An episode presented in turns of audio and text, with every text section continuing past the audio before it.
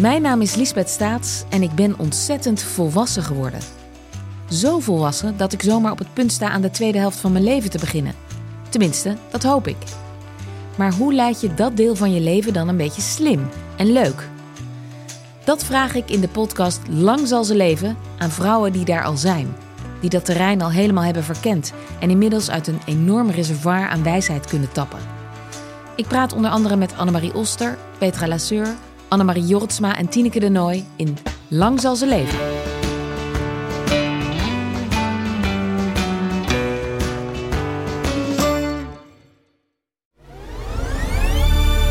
Kortie Media. Uh, en uh, daar werd de naam Mohammad Reza Kolai Samadi uh, genoemd. Dat ik, wow, wacht even.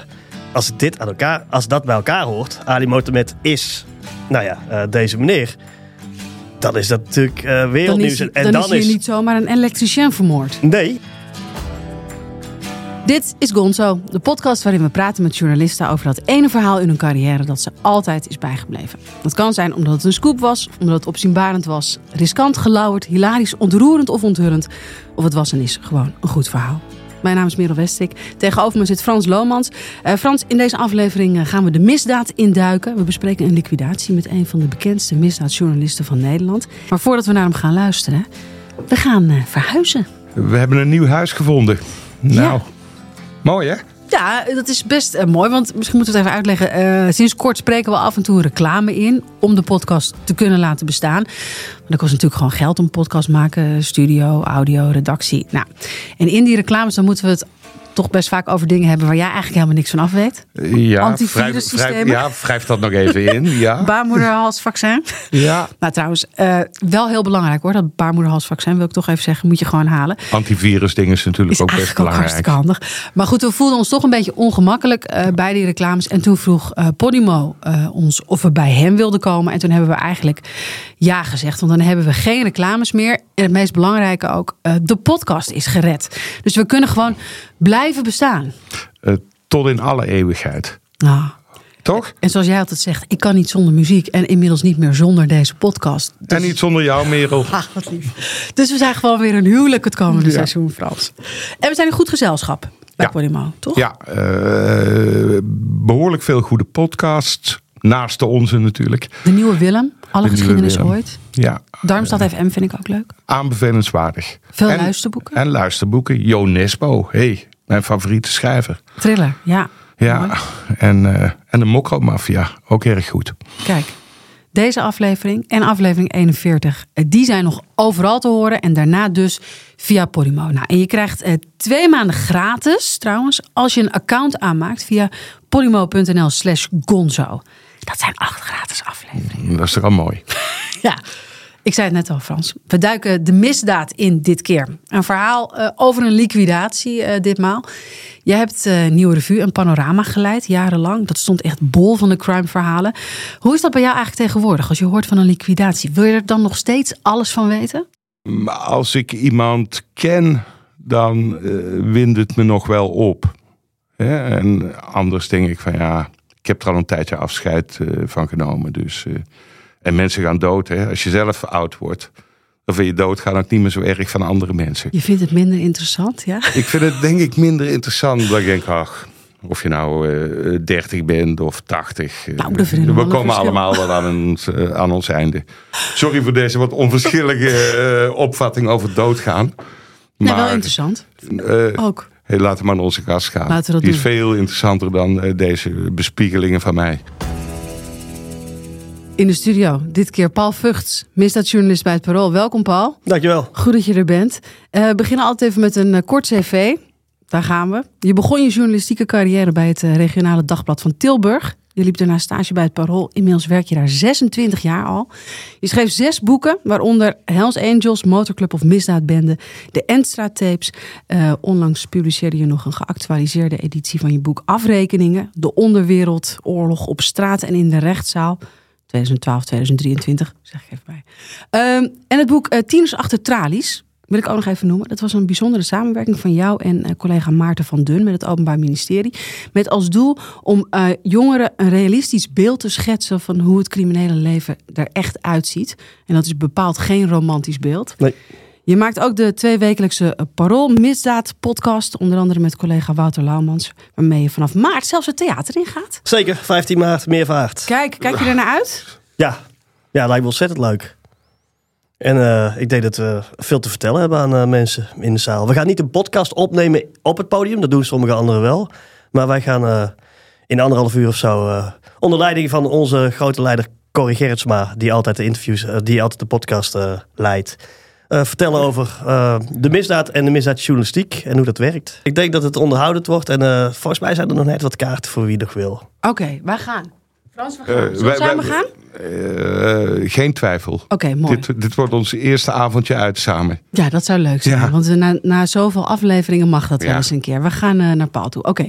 Okay. Paul, toen we je vroegen om hier te komen praten over dat ene verhaal uit je carrière. Dat je altijd is bijgebleven. Wist je toen eigenlijk meteen welk verhaal dat moest zijn? Nee, ik twijfel tussen twee verhalen. Ja? En dat is mijn ijdelheid. Dat ik denk, ik heb wel meer verhalen gemaakt die uh, dit er echt heel erg toe doen. Nee, een ander verhaal helemaal in het begin van mijn carrière. Maar dat zal ik hier dus links laten liggen. Want anders dan... Uh, uh, ja, gaan we het er toch over hebben. Ja. ja. Maar waarom heb je deze gekozen?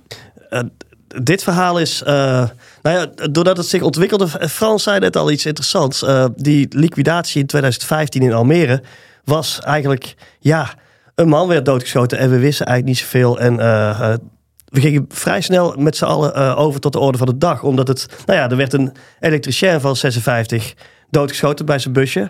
Zou niet moeten. Uh, en het is natuurlijk vreselijk voor iedereen. Maar verder leek er aanvankelijk niet echt een verhaal omheen te zitten de ontwikkeling daarna maakt dat het voor mij een heel belangrijk verhaal is uh, geworden. Dat dat op de dag van vandaag nog steeds speelt. Ik ben deze week nog door de BBC gebeld uh, of ik mee wil doen aan projecten van hen over onder meer dit verhaal. Dus het speelt in vanaf 2015.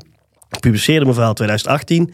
En we zitten nu januari 2024 en er is recent een, een, podcast van de Financial Times uitgekomen. Waar ook aan dit verhaal via mij aandacht wordt uh, besteed. Dus het blijft spelen. Het verhaal dat telkens terugkomt in je, in je, in je carrière. Ja, vind ik grappig.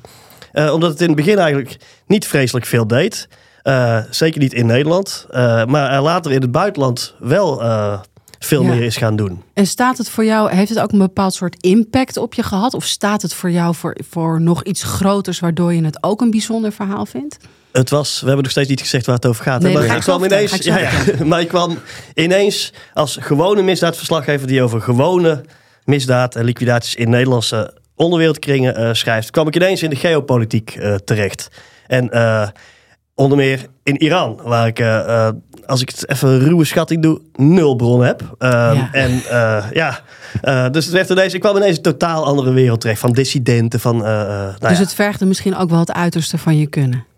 Ja, maar dat vond ik ook wel leuk om dan te, uit te zoeken wat dan dat uiterste van me kunnen was. Ja, dat klinkt bijna. Ja. Kijk, mensen die de Tour de France fietsen, die vergen het uiterste van hun kunnen. Voor journalisten is dat net anders, maar ja, het was wel interessant om, te, om mee bezig te zijn. Ja. Ik ga vertellen waar we het over gaan hebben, welk verhaal het is. Het verhaal uh, waar we het over gaan hebben, dat verscheen op 26 mei 2018 in het Parool.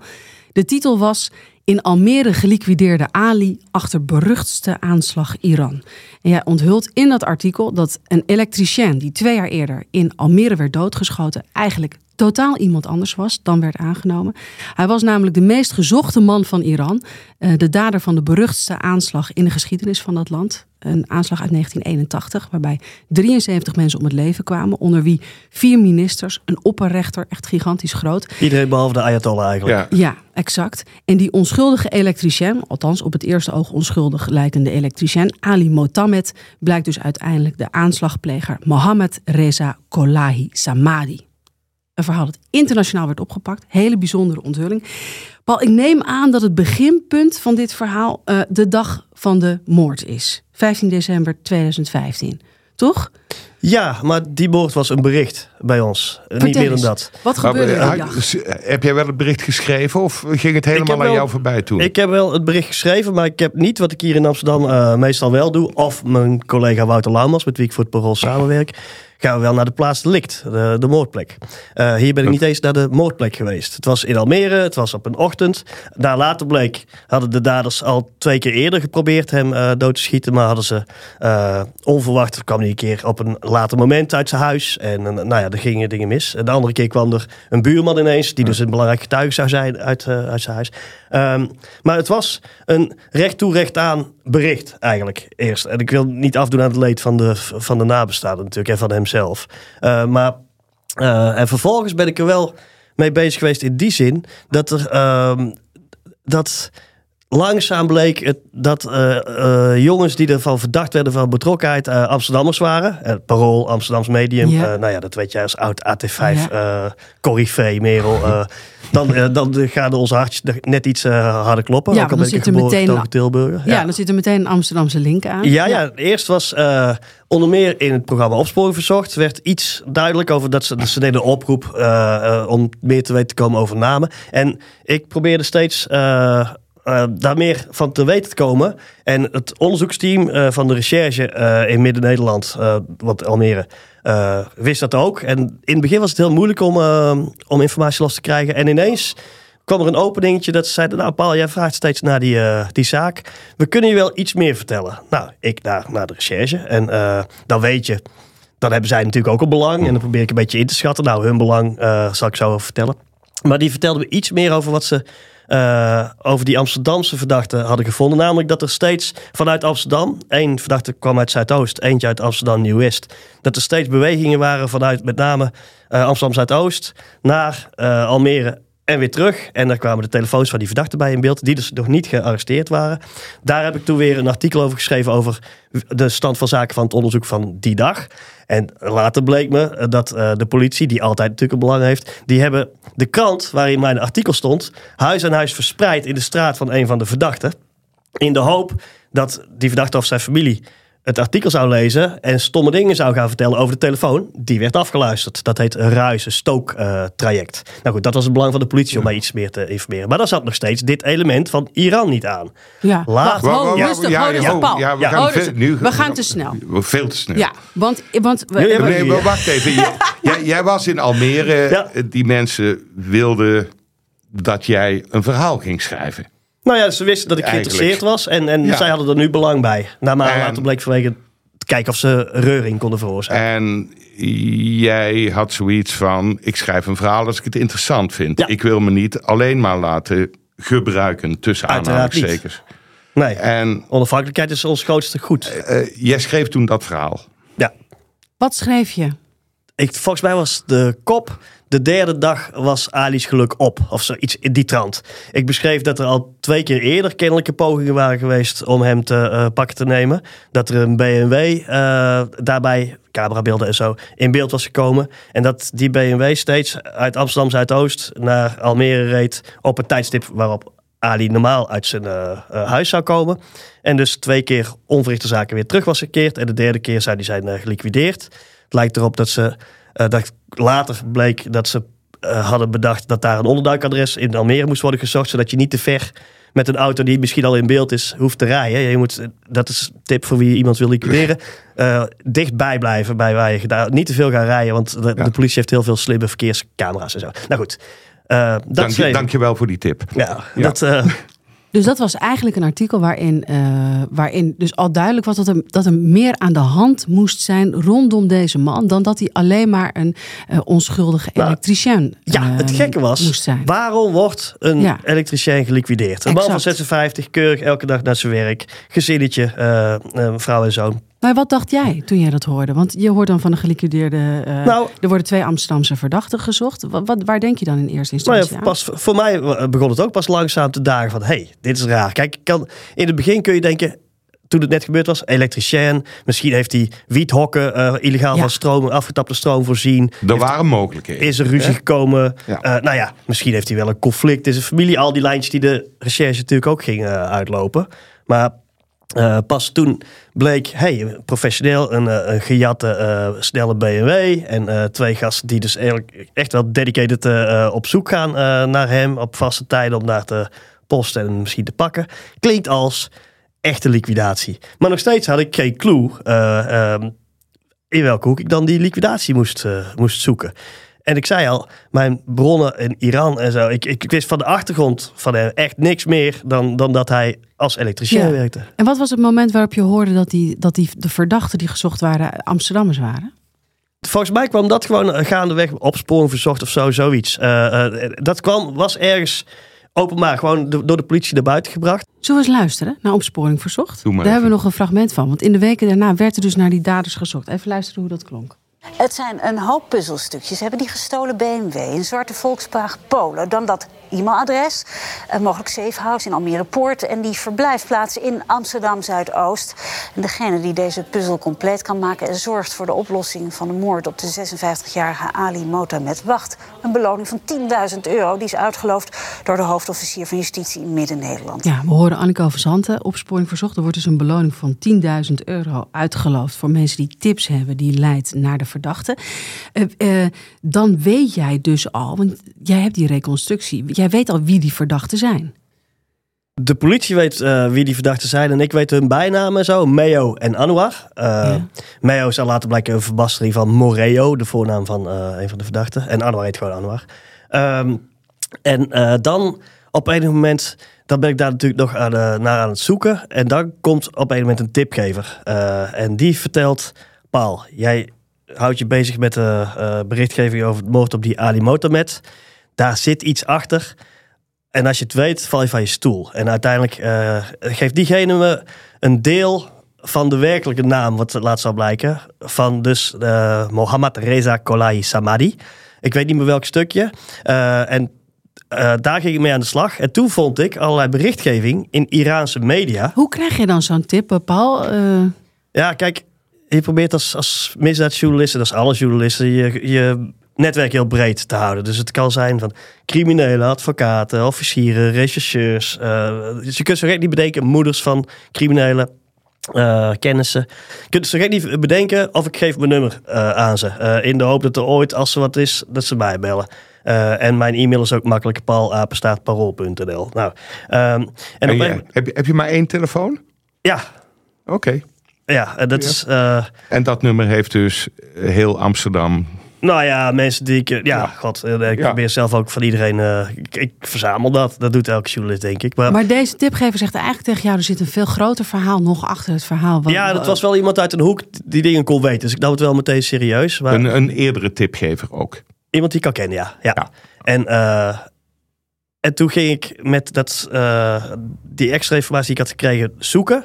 En toen kwam ik in Iran uit. Er bleek opsporingsberichtgeving te zijn geweest over de pleger van de aanslag in 1981, van die enorme aanslag. Uh, en uh, daar werd de naam Mohammad Reza Kolai Samadi uh, genoemd. Dat ik, wow, wacht even. Als, dit aan elkaar, als dat bij elkaar hoort, Ali Mohamed is, nou ja, deze meneer dan is dat natuurlijk uh, wereldnieuws. Dan is, en dan, dan is hier niet zomaar een elektricien vermoord. Nee, en dan heeft diegene in Nederland kunnen schuilen. En wist de Nederlandse regering dat. naar al die vragen die je kunt uh, bedenken. Maar dat is één tipgever. Hoe, want dat hoor je, je hoort een deel van die naam dan van die tipgever. Die zegt dat er zit een groter verhaal achter. Maar dat moet je dan ook nog maar gecheckt krijgen. Dat... Ja. Ja, nee, dat klopt. Dat, dat, dat komt daarna. Dus, en ik zei al, ik, in, ik kom in een wereld terecht. Ik heb geen bronnen in Iran. Ik heb geen, nee. Dus ik kwam allemaal, ik ging met dissidenten en Waar ik kwam in je? Londen. Uh, ik kwam in Londen terecht. Uh, want kijk, er is niet zoiets als onafhankelijke journalistiek in Iran. Nee. Uh, maar er zijn allerlei mensen die zich journalist noemen. Die zijn in ballingschap, zeg maar. Die bijvoorbeeld vanuit Londen bericht geven. Dan moet je wel voorstellen, dat zijn dus vaak tegenstanders van het regime. Dus, dus, dus je kunt ook niet alles wat zij zeggen zomaar voor waar aannemen. En, toen ging, en hier in Nederland zitten best veel mensen met Iraanse wortels. En, dus ik kwam ineens in die netwerken terecht waar ik niks van af wist. En stapje voor stapje werd me wel duidelijk hoe belangrijk die aanslag was geweest. Dat er elk jaar nog herdenkingen zijn. Er, is, er zijn pleinen naar die eh, aanslag genoemd. Ik wou het zeggen, want die aanslag was misschien ook niet iets wat jij meteen op je netvlies had als iets heel uh, groots. Want, ik verklappen, ver weg. Ik wist het helemaal niet. Nee. Ja. Je, je, Dus- wist, je wist eigenlijk net waar Iran lag, maar dat was het zo'n Zo, beetje. zo zou je het ongeveer kunnen Ja. samenvatten. Ja, ja. En, Maar eh, en ik wist een natuurlijk Iran, Hezbollah. En, Ja. Ik bedoel, ik hou het allemaal wel bij. Maar deze aanslag van 81, Maar even voor de duidelijkheid, want dat was een gigantische gebeurtenis. Hè? dat is nog steeds, dat is daar echt een trauma. Zoals 9-11, eh, zo is in Iran eh, eh, dit echt, echt een trauma. En de, de, al de slachtoffers worden ook als martelaren beschouwd. En ook naar die slachtoffers zijn weer straten vernoemd en zo. Het was Goed. een aanval op het regime, ministers Ja. omgekomen, bijna ook de Ayatollah, een opperrechter. Het was echt heel groot. het was echt heel groot. Dus degene die daarachter zat, die had ook een prijs op zijn hoofd waarschijnlijk. Ja, en daar, eh, dat vond ik dus. Eh, dus in eh, filmpjes zag je een soort opsporingsberichtgeving. En daar kwam op een moment zag ik een foto in voor. Een recente foto van Ali Mohamed. Nou, dat was, die foto was door de politie verspreid als Ali Mohamed, het slachtoffer van Almere. En toen wist je het dus, hè? En toen wist ik het. Maar Dan had je toen- het bewijs. toen had ik nog even te weinig om het te publiceren. Waarom vond je dat te weinig? Want die foto's waren dezelfde foto's. Ik, ik wilde. Het was zo groot, vond ik. eh, dat, hier kan ik, je mag sowieso geen risico's nemen, maar. Wacht even, als, als hier misschien vergist wel iemand zich of zo. eh, en, of is het helemaal niet. Ik snapte bijvoorbeeld niet dat de politie al die tijd in meerdere uitzendingen van Opsporing Verzocht had gedaan alsof ze geen idee hadden van het motief. Eh, hè? Dat is raar, want dit, als ik dit kan vinden, dan moeten zij dit toch ook kunnen vinden. Ehm, eh, dacht, en ik, Ja, dat dus begrijp ik. de politie wist dit. En dan kom ik zo meteen nog wel op hoe de politie dit wist. Maar, dus, maar toen dacht ik, ik verzin een list. Er kwam, eh, ondertussen werden de verdachten gearresteerd. Anwar en Meo. Eh, en dus gaan de termijnen lopen en krijg je na drie maanden de eerste openbare zitting. Een formele zitting, die ze daarom pro forma eh, zittingen noemen. waar voor het eerst op het, in het openbaar wordt besproken. Moeten zij nog blijven vastzitten? En hoe staat het onderzoek ervoor? Bla bla. Ik denk, ga ik daarheen? Ik had ook al geprobeerd een lijntje te leggen naar de weduwe en de zoon van eh, deze Ali Mohamed. Die wilde niks. Het was niet gelukt. Eh, eh, nou goed, kom ik daar. En Bij toen had ik zitting kom ja, nu. en toen dacht ik, als nou de echte naam van Mohammed Reza eh Kolai Sabadi wordt genoemd, dan ben ik er. Dus toen heb ik iemand gevraagd, betrokken bij die zitting, van, kan je die naam laten vallen? En toen moest de officier van justitie zeggen, inderdaad, er is ook een onderzoekslijn dat eh, het slachtoffer misschien Mohammed Reza Kolai Somadi was. Toen dacht ik bingo. En ik was verder geen journalistiek, anders had ik dat niet zo kunnen doen. Dus toen dacht ik, Ja, nou weet ik- je, jij zat daar als enige journalist. ja, want die, die, de- niemand hield zich eerlijk gezegd bezig met die moord. Eh, oh, misschien nee. was het nog Omroep eh, Flevoland. Zo, ik wil niet lullig daarover doen, maar niet iemand Ja, ja. Die, die dit aan het uitzoeken was, zeg maar. Deze lijn niet. Nee. Nee. En toen, eh, toen moest de officier van justitie bevestigen dat inderdaad het scenario bestond dat, dat deze meneer, eh, dat Ali Mohamed die meneer was. Nou, toen kon ik publiceren.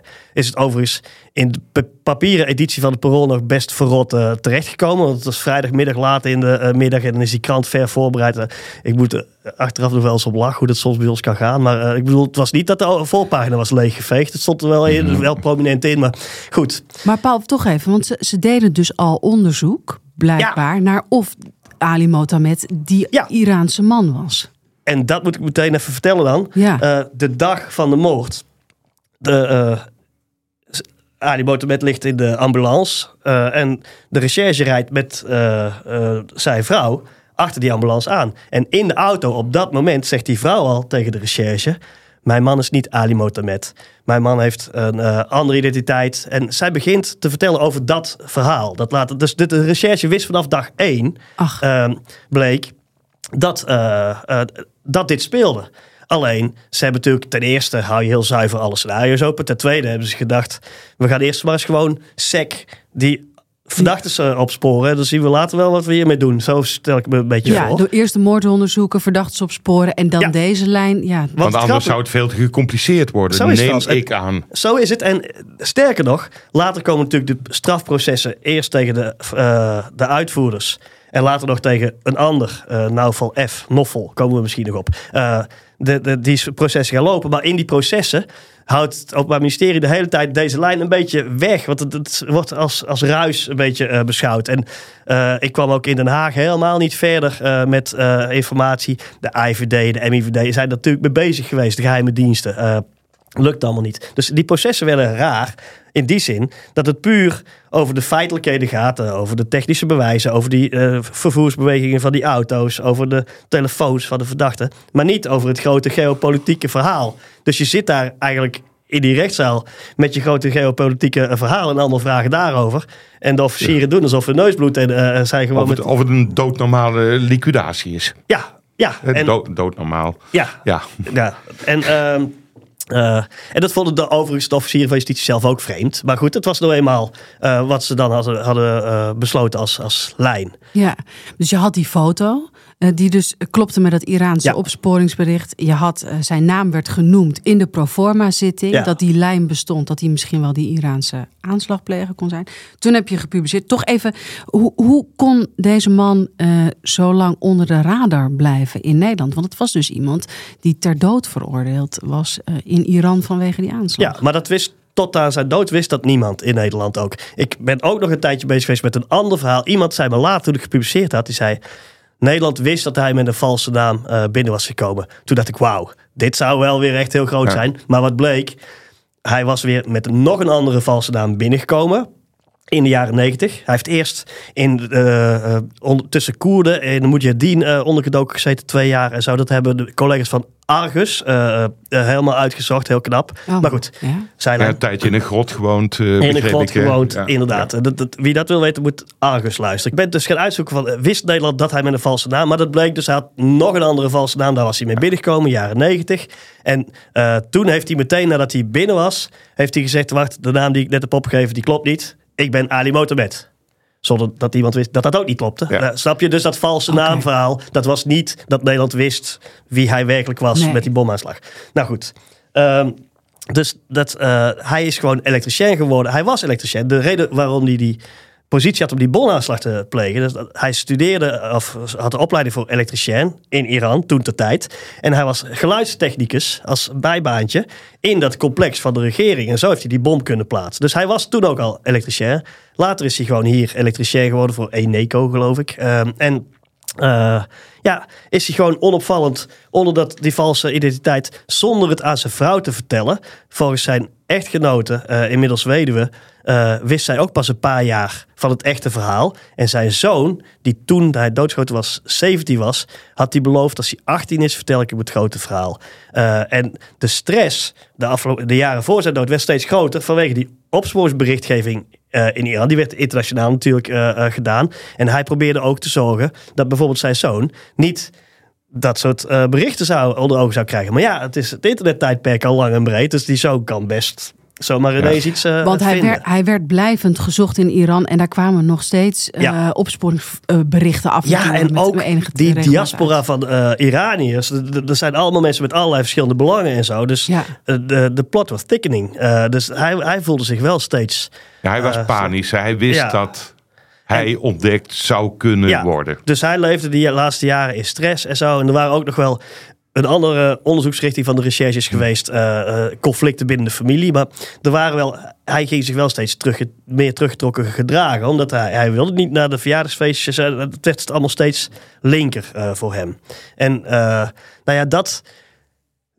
Je merkt, en toen die aanslag was geweest... en toen ik het ging publiceren... Kwam natuurlijk ook voor die familie, dat vond ik wel heel zuur. Uh, uh, ja, komt het hele verhaal niet meer uh, de, de gewone elektricien is doodgeschoten, maar iemand die je dan wel als terrorist, dan wel als vrijheidsstrijder zou moeten beschouwen, afhankelijk van aan welke kant van de geschiedenis je ja. staat. En die overigens hebben die mensen buitengewoon sportief gereageerd. Want ik, toen ik daar in die rechtszaal zat en die naam door iemand liet noemen, toen dacht ik wel wow, dat gaat hier achter mijn rug als een bom inslaan natuurlijk. En uh, nou, die mensen wilden toen niet, nog steeds niet uh, met me praten, maar later, uh, ze zijn altijd wel heel vriendelijk geweest en, en wel eh, vol begrip dat ik mijn journalistieke werk moest doen. Maar die mensen zijn natuurlijk doodsbang Ja. dat er ook nog iets met hen gaat Paul, gebeuren. toch nog even nog jullie- steeds, hè, Toen in elk geval. Ja. Ja. nu heb ik niet, ik heb niet eh, heel veel contact nu met ze, maar eh, Want je liet Lang. die naam noemen, dat zeg je nu eigenlijk voor de tweede keer. Moet je me toch even iets toelichten? Hoe laat je dan een naam noemen in die rechts eh,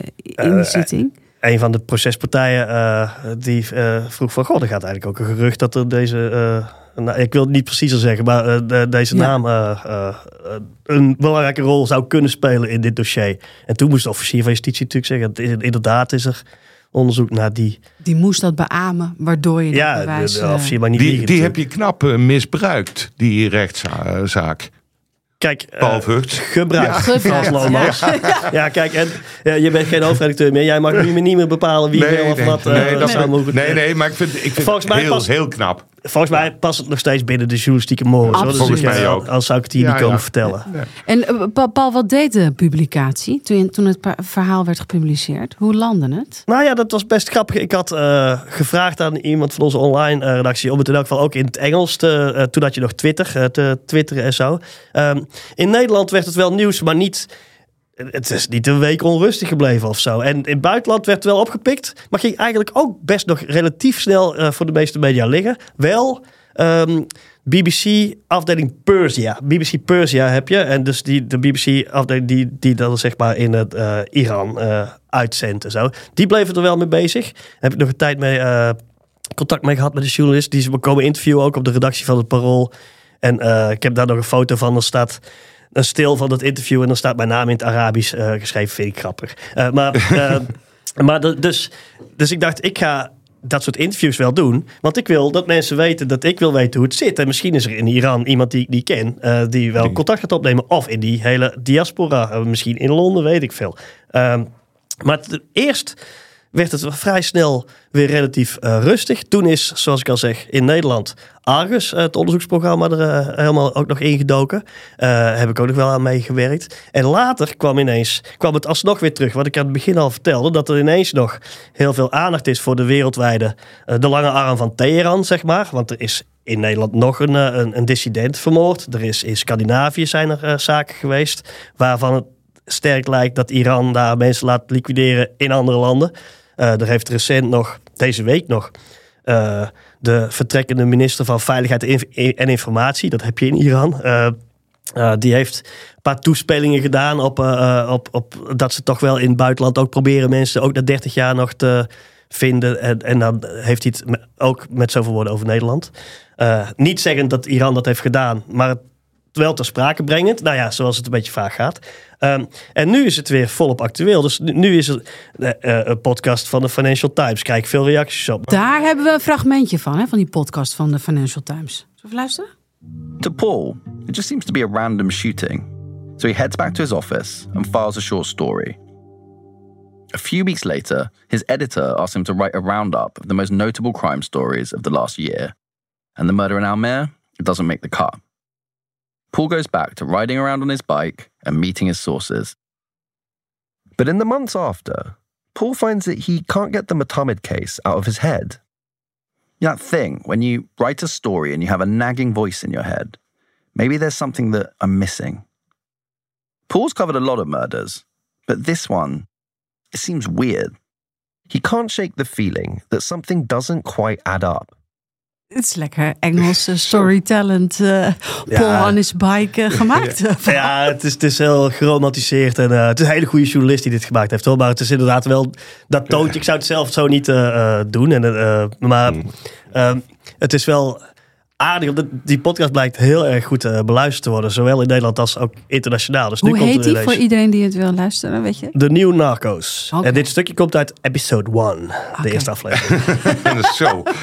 Mooi. Ja, doe, doe maar deftig. Ik wil- Even, jij, jij zit met een, toch uiteindelijk met een liquidatie gepleegd door twee Amsterdammers.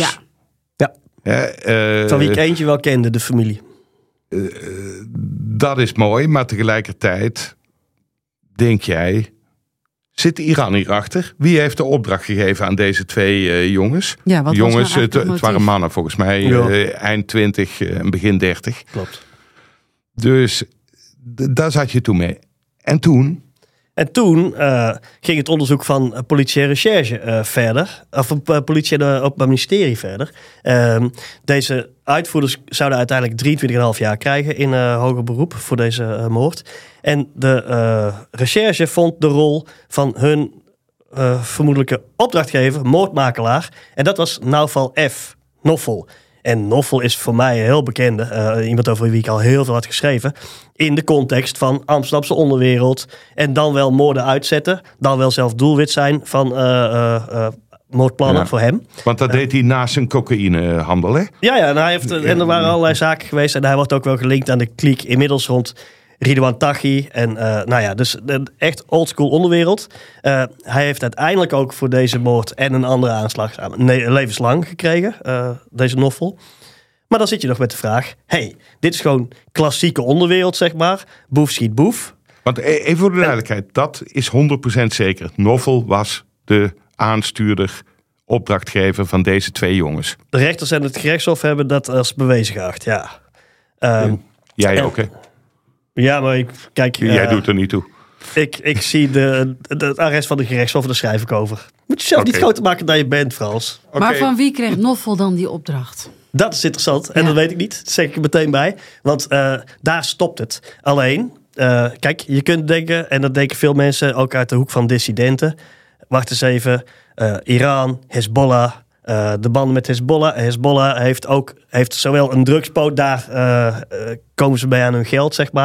Dus Hezbollah zou kunnen dat die in de drugs weten van... hé, hey, als we in de drugs zien een moordenaar moeten vinden en zo, dat bel je Noffel. Dat, dat, is een, dat is eigenlijk de belangrijkste theorie. Wat er vervolgens nog gebeurt, is dat uh, ik zei al, ik kom geen streep verder bij de veiligheidsdiensten, AIVD, MIVD en zo. Uh, heel grappig. De IVD heeft iemand die is woordvoerder van de IVD. Alsof je op de Albert Kuip gaat staan met een lege kraan. Weet je wel? Het is altijd, uh, we kunnen niks zeggen. Maar goed, ja. dat, dat schoot allemaal niet heel erg op. En, maar toen kwam Stef Blok, toenmalig minister van Buitenlandse Zaken. die kwam met een ambtsbericht van de IVD. En op grond van het ambtsbericht van de IVD werden twee Iraanse diplomaten het land uitgegooid, uh, Nederland uitgegooid. Iran reageerde meteen en gooide twee Nederlandse diplomaten het land uit. Uh, de, we kregen niet de inhoud van het ambtsbericht, maar het, kon niet, het werd wel gelinkt aan de moord op Ali Motamed. Dus het kon niet anders dan dat onze veiligheidsdiensten uh, inmiddels voldoende bewijs dachten te hebben dat Iran hier in Nederland iemand heeft laten vermoorden dat is niet met zoveel woorden uitgesproken door natuurlijk uh, de regering. Maar dat was ook wel een interessante bevestiging nog van alles uh, waar, waar, ik mee bezig was. Maar nog steeds hangt het in de lucht. Ik heb nog steeds, we hebben wel de smoking gun. Uh, die zoek je meestal, maar die hebben we. Ja. Alleen we zoeken, we zoeken het bewijs, het keiharde bewijs, hoe dat dan is gegaan. Hoe heeft Iran dat dan, als dat zo is, kunnen regelen? En hoe zijn ze hem op het spoor gekomen ook? Hoe hebben ze hem ontdekt in Nederland ja. als elektricien van Eneco? Ja, nou ja, kijk, het meest voor de hand ligt natuurlijk vanwege hun opsporingsberichtgeving en zo. En die, die foto, uh, uh, ja, dat iemand uh, de, de, hen heeft getipt. Dus niet voor het. Ja. Kijk, het is grappig. Het, ons kleine Nederlandje, wij loven dan, wat was het, 10.000 euro, euro uit. In het milieu is dat helemaal niks. Ja. Ik bedoel, er, er wordt ook wel eens voor grotere criminelen ook wel eens een ton uitgeloofd of zo. Denk je dat een crimineel uh, een, voor een ton een, een grote crimineel gaat verleken? Die weet, ze gaan mijn familie uitmoorden. Dat, dat, dat, moet, daar moeten we meer geld voor hebben, op zijn minst. Ja. Ik denk toch, uh, ik, wat ik toch ook nog wel fascinerend vind, is dat hij dus onder een uh, tweede valse naam eigenlijk zo lang uh, onzichtbaar in Nederland heeft kunnen wonen. Dus het, het, het, het, doet ook iets met je gedachten. Dat je denkt ja. van, god, dat kan, dat had je buurman kunnen zijn. Maar, ja, maar wat er interessant van is, dat hij ook echt toe in staat is geweest. Hij was ook echt de burgerman, een dedicated burgerman. Hij wilde met zijn gezinnetje en zijn zoon daar uh, wonen. Uh, het is, in alles was hij gewoon de keurige elektricien, goede staat van dienst, altijd op tijd, de dingen deden het die hij had aangelegd. En uh, hij was ook helemaal uit dat Mujahideen wereldje. Het was echt, laat ik zeggen, een jeugdzonde van een adolescent. en hij, alles bleek, uit alles bleek dat hij een heel normaal leven uh, wilde leiden. En dat droeg er dus aan bij dat hij daar ook toe in staat is geweest. Het kan ook zijn als je als crimineel onderduikt. Je doet alsof je elektricien bent, maar eigenlijk ben je nog uh, een vermomde crimineel. Dat was hij niet, voor zover we hebben kunnen achterhalen. Hij was echt de elektricien die zijn gezinsleventje eh, leidde. En hoopte, hoopte, hoopte dat ze verleden hem nooit zou inhalen. Dat was hij gewoon de afgelopen twintig jaar van zijn leven. ja, Toch? langer al. Maar Ja. Paul, wat was er gebeurd als hij op straat, eh, bijvoorbeeld door de Nederlandse autoriteiten, was, was, was herkend voor die tijd als de man die hij echt was? Ja, dat, weet ik, dat weten we niet. Want eh, eh, zou Nederland. Want we hebben natuurlijk ook in Nederland wel eh, vijanden van allerlei regimes. die we hier gewoon onderdak verlenen, zeg maar. Denk bijvoorbeeld, Koerden zijn hier eh, eh, vaak in ballingschap. En, eh, dat weet ik niet. En dat ligt er ook aan hoe de geopolitieke verhoudingen op dat moment zijn. En de druk van Iran. En, eh, eh, maar goed, ja, goed, we weten natuurlijk nu weer in het Midden-Oosten alles wat rond speelt rond Israël en Gaza en zo. Hoe die geopolitiek hier kan neerslaan en zo. Maar, eh, maar welke kant dan Nederland gaat kiezen. Nu kiest Nederland vooralsnog de kant van Amerika en Israël bijvoorbeeld. Ehm, Maar is het denkbaar dat Nederland wist wie hij eigenlijk was? Dat de autoriteiten wisten wie hij eigenlijk was en wie ze hier eh, met rust lieten en een tweede leven lieten leven? Ik heb er lang naar gezocht, geen aanwijzing voor gevonden. Maar dat wil juist in de wereld van geheime diensten niet zeggen dat die aanwijzing niet was. We hebben dus later dan wel dan eh, het gegeven dat er een ambtsbericht dan toch is gekomen. Maar op grond van hoe lang, misschien is het pas na mijn publicaties gekomen, weet ik niet. Ik wil mezelf ook niet groter maken Ja. dan ik ben. Maar dat, dat, er zijn al vele variabelen mogelijk. Het, het was een mega onthulling, eh, Paul. La- Laat dat duidelijk zijn. Tegelijkertijd zit er een mate van toeval in. Hè? Ja. Stel voor, jij was niet naar die proforma. eh Nou, stel voor, ik had die tip gegaan. niet gekregen. Je had die Ja. tip niet gekregen. Wat dan? Dan was dit eeuwig de geschiedenis ingegaan als zomaar een liquidatie. Ja, dat weet ik niet. Want ik, weet, ik, weet, ik denk niet, gezien hoe later de procedures, de eh, rechtszaken gingen tegen de verdachte. Toen Toem niet uit zichzelf hier allemaal eh, veel aandacht aan besteden. Zeer te betwijfelen of dat eh, element. Het, het zou, had natuurlijk wel in strafdossiers terecht moeten komen. Want die verhoren van die, die weduwe, heb ik al verteld, die Ja. vertelt het dan meteen de eerste dag. Die wordt daar natuurlijk later over verhoord. En dat komt natuurlijk allemaal wel in strafdossiers terecht. En die strafdossiers verspreiden zich. Dus de kans dat uiteindelijk een van de procespartijen er wel aandacht voor had gevraagd, die is nog steeds wel aanwezig. Maar ja, dat is, dat is koffiedik kijken. Ja, want het is ja, nu zo ja. gegaan zoals het gegaan is. Had een van de verdachten een idee wie ze hadden omgebracht? Volgens mij niet. Ik heb geen enkele aanwijzing daarvoor ook. En ik geloof, kijk, niet alle verdachten spreken de volledige waarheid, maar ik, ik geloof wel dat zij dat niet wisten. En had Noffel, de opdrachtgever, het idee welke opdracht hij had aangenomen? Ik denk het niet. En daar is interessant voor. Er is eh, eh, onderling berichtenverkeer onthuld. eh, vanwege die servers, computerservers die zijn neergehaald. Zo is er veel inzicht in PGP-berichten, Pretty Good Privacy. Berichten die criminelen elkaar stuurden via peperdure telefoons. Waarvan ze dachten dat die nooit in de handen van de politie zouden komen. Zijn wel in de handen van de politie. En daar zit een heel pijnlijk stukje ook wel in. eh, als, je, als het gaat over wat Noffel weet. Noffel bespreekt daar met iemand anders. Dat er een klus is, namelijk de moord op deze manier. En dan heeft hij het over ah, een simpele mannetje. Een Turk of zo. eh, eh, eh, rond de 50. eh, geen idee hoeveel niet te weten. Ha, ha, ha, ha, ha. Op die toon wordt er eh, gesproken. Dus het is alleen maar schiet naar me dood en stel geen vragen. En de kans dat het op die manier ook is eh, eh, gegaan. Ongelooflijk. Je, je hebt nooit eh, direct contact gehad met Novel, hè? Wel gezocht, niet gekregen. Nee. Direct zou niet kunnen, want hij is gedetineerd. Maar eh, ik heb wel via zijn advocaat laten weten dat ik zeer geïnteresseerd ben in zijn kant van het verhaal.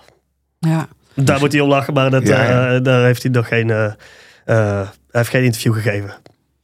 Hoe vaak denk je nog terug aan dit verhaal, Paul? Nou ja, recent is vaker omdat er nu ineens weer allerlei aandacht voor eh, eh, komt, internationaal. En Waar sowieso, komt die aandacht dan? Waar komt die, die aandacht eh, vandaan dat het dan weer opleeft? Ja, dat heeft ook weer iets te maken met eh, dat er natuurlijk heel veel aandacht nu is voor de internationale cocaïnehandel, de positie van Nederland daarin, de verschrikkingen die we hebben gehad, zoals de moord op Peter R. de Vries, vertrouwenspersoon van de kroongetuigen tegen Tachi, de moord op advocaat Dirk Wiersum, de moord op de onschuldige broer van de kroongetuigen. Internationaal heeft dat heel veel aandacht gekregen, zeker de moord op Peter R. de Vries als, hey, wat is er met het schattige Nederlandje gebeurd? Is dat een narco-staat? Dat speelt. En er speelt dat er vanuit eh, eh, wereldwijd is er veel druk op Dubai, waar allerlei criminelen zich schuilhouden. Waaronder criminelen uit de kringen rond Noffel. En daar eh, hebben we bijvoorbeeld de Kinahan clan. Dat is een hele grote, beruchte Ierse eh, clan. En daar is in bijvoorbeeld eh, het Verenigd Koninkrijk veel over te doen. En in onderzoeken daarnaar komen mensen die, die de Kinahan clan uitzoeken, zeg maar, collega's, journalisten. Die komen ook op de link met Noffel en die komen op deze kwestie uit. Gepaard aan dat wij natuurlijk als Nederland nu heel veel grof eh narcoterreur geweld hebben gekend. En zo, zo komt het een beetje dat het eh, helemaal opnieuw in de schijnwerpers is komen te staan. En is dat een goede, goede ontwikkeling? Ja, klinkt misschien heel gek, maar is dat, hoe, hoe, hoe zie jij die, die, dat er veel aandacht voor is? Is dat iets wat eh, goed is? Of wat, wat... Nou, ik vind het terecht. Kijk, als je ziet in wat voor positie was Nederland zijn beland de afgelopen acht, negen jaar. Waarin eh, allemaal niet alleen maar liquidaties van onderwereldfiguren eh, eh, plaats hebben gevonden. Keur ik ook niet goed hoor. Maar waarin ook toch de bovenwereld is geschokt. Met als dieptepunten de woorden die ik net ja, noemde. Advocaat, vertrouwenspersoon, ja. Ja, ja, gewoon Peter uit zijn Ja. schoenen geschoten. En eh, die verschrikkingen, dat, dat daar veel aandacht voor is, vind ik volkomen terecht. Ik moet aan buitenlandse collega's wel steeds uitleggen dat we een superveilig landje zijn. En dat in Amsterdam en omgeving het afgelopen jaar elf doden door geweld zijn gevallen. Inclusief familiedingen. Het, het was een mager jaar Nee, ik op bedoel, dat gebied. het is gewoon veilig Ja, hier. het is- en ik ben ja. hier gewoon... Kijk, mensen die googelen, die kunnen zien dat ik lang in beveiliging heb eh, eh, geleefd. Maar ik ben hier gewoon op mijn fietsje. En het is allemaal gewoon veilig. En het is, dus, dus Nederland zit nu in een, in een tijd die ook van internationaal... eh, waar veel aandacht voor is van... Hey, is het, is het nu een narco-staat aan het worden? Of is het gewoon het schattige Nederland zoals we het kennen? Open samenleving, open economie. Eh, ik denk dat nog steeds dat wel aan de hand is. Ehm, maar eh, ik merk uit collega's die van de, buiten, van de buitenwereld kijken, die een beetje hebben zitten uitzoeken en die dan hier komen. Nou, die denken dat wij in een soort eh, narco-staat leven en zo. Dat is niet het geval. De criminelen zijn in Den Haag niet de baas. Je kunt allerlei opvattingen hebben over de achtergrond van de mensen die wel eh, nu de verkiezingen hebben gewonnen en zo. Maar het zijn niet eh, drugscriminelen. Nee, ze Kijk, zitten niet in onze... Jij- nee. Kijk, jij bent heel eh, nonchalant over je eigen veiligheid. Hoewel je wel een tijd eh, in een safe house hebt eh, moeten wonen. Dat soort dingen. Ik vind je ongelooflijk nonchalant in deze zaak. Hè? Want opeens zit je eh, te rommelen met Iran. Hè? Ja. Eh, een, een land dat je nauwelijks kent. Waar je de moraal niet van kent. Mhm. Op afstand. En desondanks heb je je volgens mij geen seconde onveilig gevoeld in deze hele affaire. Of, of wel? Ja, ik wou het zeggen, dat is de vraag. Ja, Want je de- kwam net uit beveiliging. Ja, de grap was dat, dat ik publiceerde dit in, eh, in mei 2018. Toen was ik net uit het... eh, dus ik heb met mevrouw lang in een safehouse gewoond. En eh, eh, met die gepantserde auto's en eh, mannen met oortjes en zware wapens.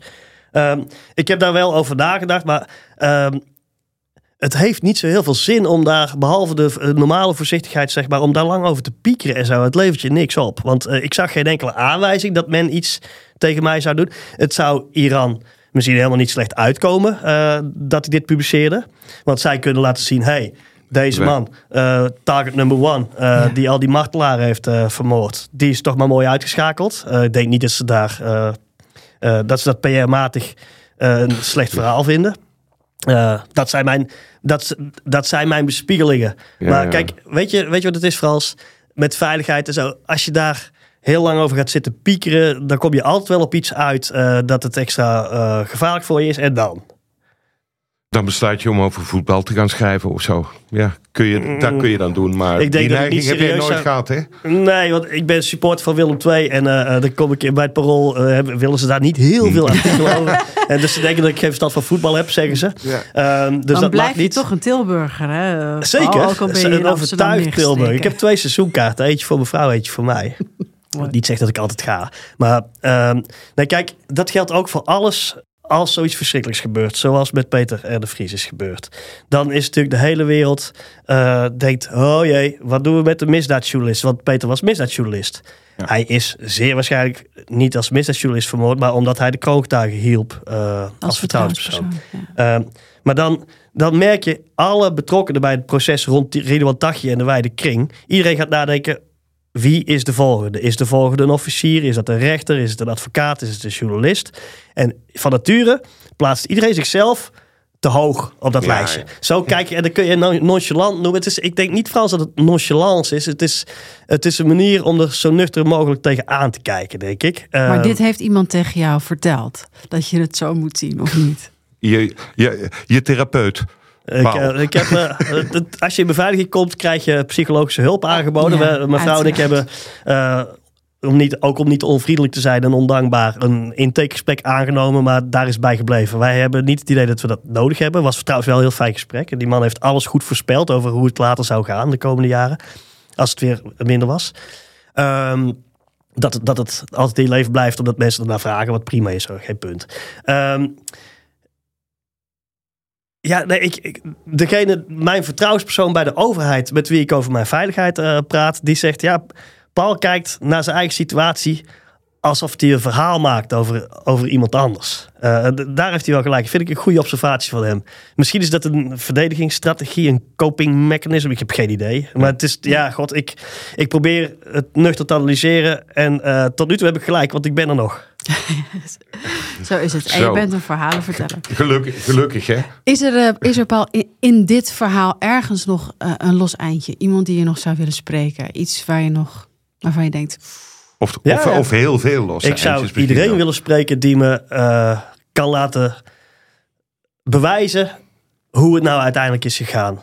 Via welke stap, als het Iran is, hoe dat dan werkt. Hoe Iran bij Noffel is terechtgekomen. En, eh, eh, eh, en wie uiteindelijk deze Ali Mohammed heeft weggetipt. Want dat moet het toch zijn geweest. En niet voor die 10.000 denk ik. eh, maar gewoon misschien wel uit eh politieke overweging. Wat ook. Wie hem heeft weggetipt. Ja, Het is een mooi mooie, woord, mooi Ja. woord. Ja, sorry, dat zit dus in mijn team, eh, in mijn, mijn scene een eh, staande term. En weet jij nou uiteindelijk, hè, want ik, ik bedoel, eh, journalisten, zeker misdaadjournalisten, denk ik, kiezen echt zorgvuldig wat ze opschrijven. Weet jij eigenlijk meer al over dit verhaal dan wat je nu hebt, tot nu toe hebt gepubliceerd? Ja, maar niks dat eh, fit to print is. Om nog maar eh, slecht Engels te Ja. blijven gooien. Nou ja, kijk, dat, dat geldt voor alles. Mijn collega Wout Lammers en ik zi- zitten met ons hoofd vol met dingen die we, waar we ooit nog wel zo hard eh, bewijs voor willen vinden dat we dat kunnen publiceren. Maar zoals alle journalisten en zeker mis- misdaadjournalisten eh, kun je het meest niet schrijven. Eh, dat, eh, ja, god, dat hoort erbij. En dan, dan wacht je tot het moment wel komt eh, dat je het wel kunt schrijven. En wachten is dan ook keihard werken om te proberen te bewerkstelligen. Maar eh, Ja, dat is de situatie. mooi. Paul, dankjewel voor je komst. Graag gedaan. Ja, ik vond het ook wel leuk dat hij er was. Want ik weet nog toen eh dit Ja, een verhaaltje op deze afslag. Even toen, Paul werkte bij het Parool. Ik kwam, ik kwam een keer tegen op een boekpresentatie. En toen zei ik van, hey, laat je me weten als je weg wilt bij het Parool. Dan eh, geef ik je een mega aanbieding voor eh, Panorama. Geen sprake van, zei hij toen. Ik blijf bij het Parool. Ben niet te koop. Hij is Mooi. niet te koop. Ja, dat zal hij ook nog wel Weet je wat grappig hebben. is, Frans? Over die boekpresentatie, want het was de presentatie van mijn eigen boek. eh, waarin Gwyneth Marta, een crimineel, een belangrijke rol speelde in de laatste eh, hoofdstukken. En de, de dag dat ik dat presenteerde, dat wij elkaar spraken, is hij s'avonds geliquideerd. Dus het was een hele rare... Stond ik ineens aan het politielintje met mijn eh stokje op. Maar niet te veel. En, eh, nou Maar ja, wat is, dat, die, wat is die trouw aan het parool? Want 26 jaar schrijf je nu voor de krant. Je, je hebt tegen Frans al gezegd, ik ben niet te koop. Ja, ik voel me senang bij het Parool. Ik vind het Parool een heel mooi medium. eh, eh, en, en het gaat me aan het hart om te proberen te, te succes te laten eh, blijven zijn. En eerlijk is eerlijk, de rol die ik daar heb, ik heb zoveel vrijheid. Eh, dus we zijn al, nu gaan we weer het theater Ja. in met de Parool Misdaad, podcast. Koop kaarten. En, maar, maar ik maak boeken. Ik maak, De hoofdredactie vindt alles fantastisch. En eh, eh, ja, ik, ik, ben daar, ik denk dat ik wel een beetje het Parool ben ook, van binnen. Mooi. Kijk, Messi ging ooit weg bij Barcelona. Paul, Paul gaat niet weg bij het Parool. Heel goed. We houden het abonnement. Ik ben niet zo'n planner hoor, maar eh, je, je weet nooit. Maar ik heb geen plannen, nee. Mooi. Dit was Gonzo. Mijn naam is Merel Westerik. Tegenover me zit Frans Lomans. Mocht je nou vragen hebben of suggesties, mail dan vooral naar gonzo.kortimedia.nl. We zouden het ook heel leuk vinden als je een recensie achterlaat of van die sterren achterlaat. Want dan is Gonzo een nog beter vindbaar ook voor andere luisteraars. Volgende week weer een goed verhaal. Tot dan.